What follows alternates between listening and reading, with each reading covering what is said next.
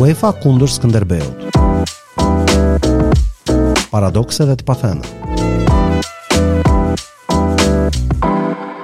Mirë se erdhët në episodin e 8 të këtij podcasti dhe si gjithmonë i ftuar ynë i zakonshëm Brendon Salih. Mirë se erdhe Brendon. Mirë se u gjeta. Brendon, të sqarojmë fillimisht cilat janë çështjet që do të trajtojmë në këtë episod. Në këtë episod do të shohim vendimin ose më saktë gjyqin e zhvilluar në KAS midis Skënderbeut dhe Federatës Shqiptare të Futbollit në lidhje me vendimin e Komisionit të Etikës të datës 23 qershor 2017, në të cilën Skënderbeut i hiqej titulli kampion i sezonit 2015-2016. Skënderbeu dënohej me zbritje 12 pikësh në renditjen e atij sezoni që sapo u mbyll dhe me 2 milion lekë të reja gjobë. Dhe këtë vendim kuptohet brenda afateve proceduriale Skënderbeu e apelon në KAS dhe do të shohim si rodhën procedurat si u zhvillua gjyqi dhe në përfundim cili ishte konkluzioni që arriti paneli i KAS-it në lidhje me këtë çështje.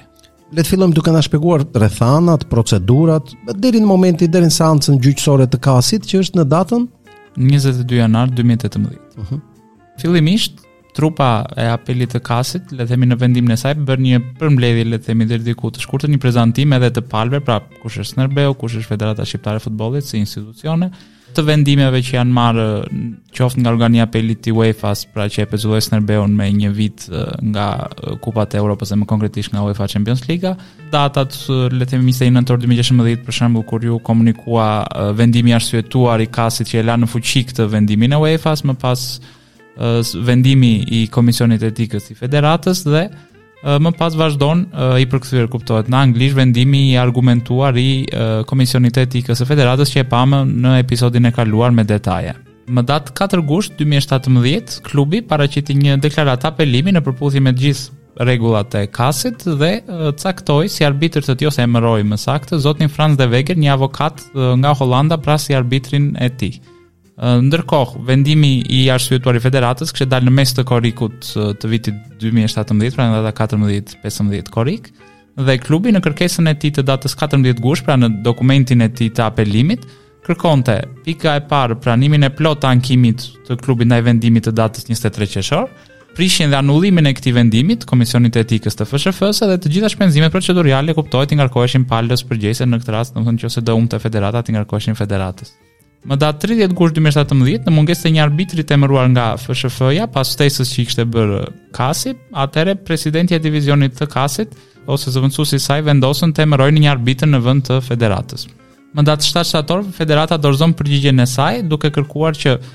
Kasi të lërë në fuqi vendimin e Komisionit të Etikës dhe të rrëzojë ankimin e klubit sportiv Skënderbeu. Më pas, më datë 27 shtator, në përputhje me kodin e brendshëm të kasit, zyra informoi palët se tribunali pra paneli që do të gjykonte këtë çështje, do të përbëhej nga zoti Ulrich Haas, profesor i drejtësisë në Zyrih Zvicër me origjinë gjermane, zoti Frans de Weger, avokat në Hollandë, siç e pamë arbitër i caktuar nga klubi dhe zoti Andre Brantjes, avokat në Amsterdam të Hollandës, pra si arbitër që në këtë rast u caktua nga ana e kasit, meqenëse FSHF-ja nuk preferoi të zgjidhte një nga ose nuk u shpreh për një nga emrat e listuar le të themi në listën e kasit. Ndërkohë, më datë 13 nëntor 2017 pas një kërkese të klubit për të dëgjuar zotin Shulku, pra sekretarin e përgjithshëm të federatës dhe zotin Nurishmi, shefin e garave të federatës si dëshmitarë, paneli e ftoi, kuptohet klubin të dërgonte cilat do të ishin pyetjet që ata mendonin që do t'i drejtonin këtyre dëshmitarëve dhe cila ishte rëndësia e këtyre pyetjeve dhe më pas kuptohet Vazhdoi letërkëmbimi si midis KAS-it dhe klubit dhe KAS-it me federatën në lidhje me këto procedura. Kuptohet, më pas në datën 12 dhjetor, KAS informoi palët se e, trupa gjykuese pra paneli kishte vendosur t'i lejonte të gjitha këto pyetje të parashtruara nga klubi në lidhje me dëshmitarët ditën kur do të zhvillohej seanca, megjithëse siç kuptohet paraprakisht këto pyetje dërgoheshin në mënyrë që të jepeshin para seancës përgjigjet me shkrim dhe pastaj kuptohet do të verifikoheshin edhe një herë ditën e seancës me gojë. Gjithashtu, më datë 10 janar 2018, kas informoi palët se FSHF nuk i kishte dorëzuar ende deklaratat e dëshmitarëve të kërkuar brenda afatit të caktuar dhe më datë 15 janar në emër të panelit zyra e gjykatës së kas i ftoi palët që të sqarojnë domethënë dhe FSHF-n madje për herë të fundit për të paraqitur deklaratat e dëshmitarëve, të dorëzojë përkthimet në anglisht të dispozitave të referuara nga FSHF pra të kodit të disiplinës sportive të kodit të etikës si dhe të dorëzonte tekstin e saktë të kësaj normës së re apo praktikës së re le të themi që Komisioni i Etikës kishte zbatuar në rastin e Skënderbeut, por që le të themi pretendonte federata se do të ishte standardi që do të zbatohej në vazhdim në luftën kundër trukimit të ndeshjeve. Dhe më datë 18 janar, Federata informon uh, zyrën e gjykatës së KAS se vendimi uh, i apeluar i ishte njoftuar klubit më datë 15 korrik, iu përgjigj duke i dërguar uh, dëshmitë e dy zotërinjve pra sekretarit të përgjithshëm dhe shefit të garave që ishin kërkuar nga klubi, ofroi përkthime në anglisht të dispozitave përkatëse si dhe deklaroi në lidhje me këtë rregullin apo praktikën e re le të themi që ishte vendosur, për sa i përket normës së re, qëndrimi i federatës është se përgjegjësia e një klubi përfshirë në rregullimin e pra në trukimin e ndeshjeve, nuk duhet të varet vetëm nga përgjegjësia personale e një lojtari ose një zyrtari të klubit.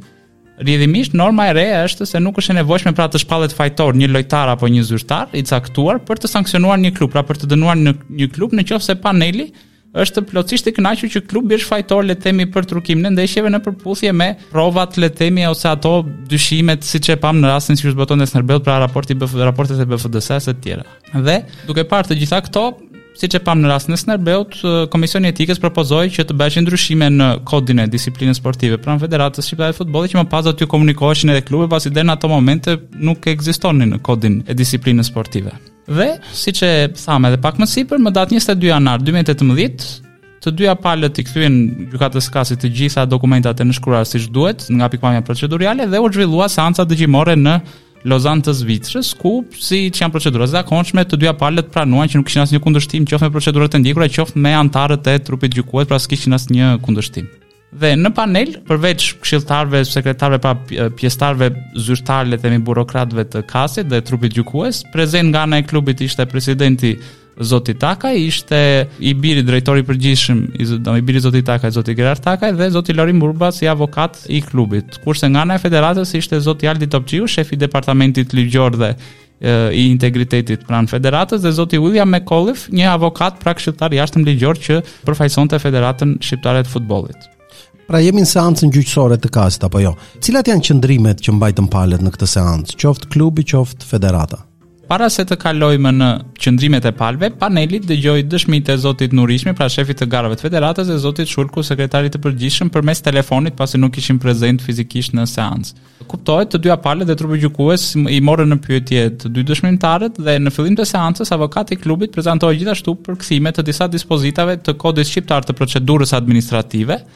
të ligjit për sportin dhe pjesës dispozitive le të them të vendimit të lëshuar nga Komiteti i Etikës i FSHF-së më datën 10 shkurt 2015 që vendoste një dënim prej 6 muajsh nga aktiviteti sportiv për zotin Arjan Pisha, futbollisti i Elbasanit, për le të themi dyshimin se kishte marrë pjesë ose kishte ndikuar në trukimin e rezultateve të ndeshjes Elbasani Teuta, Elbasani Skënderbeu dhe Kukësi Elbasani, të gjitha këto në vitet 2015. FSHF-ja shprehimisht deklaroi se nuk e kundërshton pranueshmërinë e këtyre dokumenteve, pra që këto të pranoheshin si dokumente për t'u shqyrtuar në seancë, Dhe kuptohet se këto u pranuan në shkresat që do të shqyrtonte më pas trupa gjykuese e kasit. Për më tepër, Federata pranoi të përjashtonte 10 raportet e BFDS-së nga dosja e lëndës, pasi ndeshjet në lidhje me këto raporte nuk u mbështetën nga Komisioni i Etikës në momentin kur dënoi klubin. Pra Komisioni i Etikës nuk kishte përdorur një pjesë të këtyre raporte gjithmonë për ndeshjet brenda Kupës së Shqipërisë dhe Superligës, po flasim gjithmonë. Pra nuk i përdorën për të sanksionuar klubin me arsyetimin që dhanë siç e pamë në episodin e kaluar. Kuptohet, duke zbatuar procedurat e zakonshme, pra të gjitha palët në fund e pranuan që ishin pyetur me kujdes, ishin dëgjuar me kujdes të gjitha dëshmitë, provat dhe pas të gjitha diskutimeve, parashtrimeve dhe argumentave që ishin paraqitur, të gjitha palët pra në përfundim të gjyqit nuk kishin shprehur asnjë kontestim le të themi në lidhje me gjyqin apo procedurat e zbatuara gjatë seancës. Për të kaluar më konkretisht në qëndrimet e palëve, fillimisht do të shohim qëndrimin e klubit apo parashtrimet e klubit. Fillimisht, klubi pretendon që procedurat e arbitrazhit në kas, pra vendimi i kasit që la në fuqi dënimin e UEFA-s, ishin thjesht të natyrës administrative, ndërsa procedurat aktuale, pra këto të federatës, janë të një natyre disiplinore. Dhe klubi pohon se sipas edhe vetë arsyetimit që jep kas në vendimin e tij, kuptohet që në rastet e masave administrative, le të themi shkelja është më e përgjithshme ose standardi i provës është më i ulët në krahasim me një uh, shkelje, domethënë ose një dënim të natyrës disiplinore. Dhe kuptohet duhet të përcaktohet në këtë rastin e dytë pra për procedime disiplinore që duhet të ketë patur një rol më aktiv ose një shkelje më të drejtpërdrejtë le të themi nga lojtari, zyrtari apo dikush anëtar i klubit le të themi dhe kuptohet standardi i provës në këto procedura disiplinore është përtej le të themi dyshimit të arsyeshëm. Gjithashtu, në lidhje me raportet e BFDS-së, Klubi pretendon që siç ka dalë dhe vetë kasi në arsyetimin e vendimit të tij, vetë këto raporte nuk e vërtetojnë përfshirjen e drejtpërdrejtë ose të tërthortë të një klubi në aktivitetet e trukimit të ndeshjeve pa u vërtetuar le të themi me prova të mëtejshme. Gjithashtu, raportet e BFDS-së mund të jenë le të themi prova në thonjza të vlefshme në procedura administrative, pra në kuptimin kur mund të sanksionohet një masë e përkohshme, pra siç ishte ai pezullimi njëvjeçar që dha Skënderbeut, por nuk mund të adresojnë apo të provojnë le të themi fajësinë e klubit në një procedurë disiplinore. Gjithashtu, klubi pretendon që federata ka njohuri të kufizuara për BFDS-në dhe për procedurat e ndjekura ndërmjet klubit dhe UEFA-s që rezultuan më pas edhe në vendimin e kasit. Dhe pretendimi i FSHF-së se paneli i kasit mori parasysh ndeshjet vendase në analizën e tij Nuk është i vërtetë, pasi siç e pamë edhe ne, Kasi u bazua vetëm në katër ndeshje të Europa Ligës dhe të Champions Ligës pra në momentin kur la në fuqi dënimin pra pezullimin njëvjeçar të Skënderbeut. Si dhe në vendimin e ankimuar, klubi pretendon se nuk përmendet se cili subjekt ka nisur procedurën disiplinore kundër klubit, pasi vendimi i apeluar tregon vetëm se Komisioni i Etikës, bazuar në Kodin e Disiplinës Sportive dhe të Etikës, shqyrtoi të gjitha raportet e paraqitura nga BFDS dhe UEFA.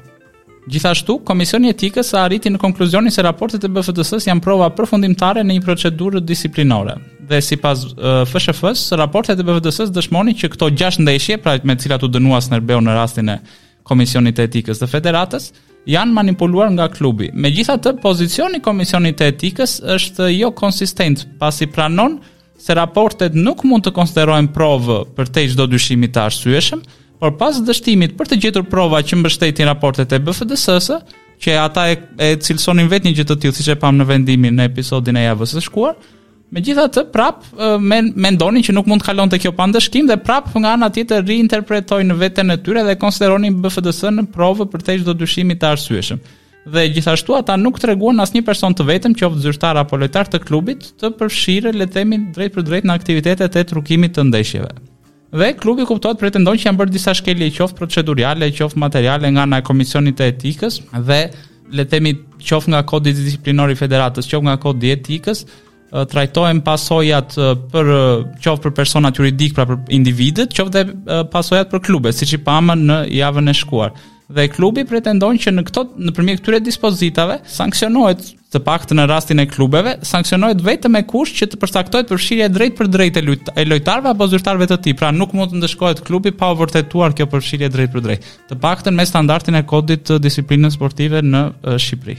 Dhe në bazë të kësaj uh, dispozite, klubi pretendon që Komisioni i Etikës kapi një prerogativë që nuk i ishte atribuar, pra ajo ku pretendoi që mund të vepronte si legjislator dhe duke shkuar përtej le të themi kodit të disiplinës sportive dhe të vendoste pra këtë normën e re, këtë praktikën e re, pra duke shkuar përtej asaj çfarë i ofronte le të themi ligji apo kornizat ligjore të kodit të federatës. Gjithashtu, klubi pretendon që nuk është vënë në dijeni zyrtarisht nga ana e federatës për akuzën ndaj tij, që është një parim themelor qoftë në ligjin shqiptar qoftë në deklaratën universale të drejtave të njeriut dhe nuk u ftua pra të paraqiste kundërshtime ndaj akuzave, nuk iu dha e drejta për të paraqitur prova pra dhe fakti që një lojtar dhe një zyrtar i klubit u ftuan për të komentuar ndeshjet që u cilësuan si të manipuluara, Nuk e përjashton FSHF-në nga detyrimi pra për të informuar klubin për akuzat ndaj saj, pasi klubi pretendonte se e mësoi nga gazetat procedimin disiplinor të nisur ndaj tij.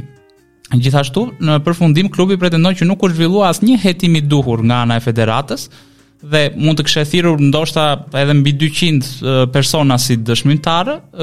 Federata apo më saktë komisioni i etikës zgjodhi të dëgjojë vetëm një lojtar dhe një zyrtar të klubit, kur kuptohet mund të kishte marrë si lojtar dhe ish lojtar apo ish antar të stafit të Skënderbeut, të skuadrave të tjera, arbitrat e ndeshjes e tjera tjera, domethënë mund të kishte përzgjedhur nga një uh, le të themi ansambël shumë i gjerë personash. Gjithashtu, klubi pretendon që raportet e BFDS-së nuk kanë një status rregullator, nuk kanë vlerë ligjore dhe nuk janë le të themi përdorur në mënyrë të ligjshme në rastin e uh, Komisionit të Etikës të Federatës, pasi FSHF-ja nuk ka marrëdhënie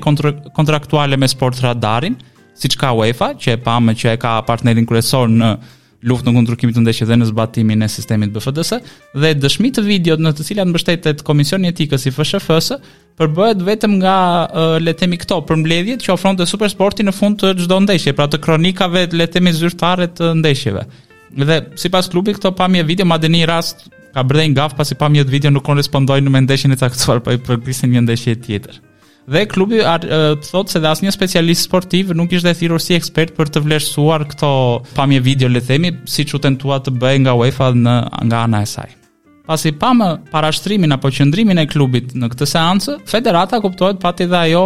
qëndrimet e saj apo dhe parashtrimet mund t'i përmbledhim si më poshtë. Së pari, argumenti i klubit se asnjë ndeshje vendase nuk u konsiderua nga paneli KAS sipas federatës duhet të hidhet poshtë sepse vendimi i kasit ishte rezultat i një apeli të paraqitur kundër një vend, kundër një vendimi të organit të apelit të UEFA-s që mori parasysh disa ndeshje të brendshme.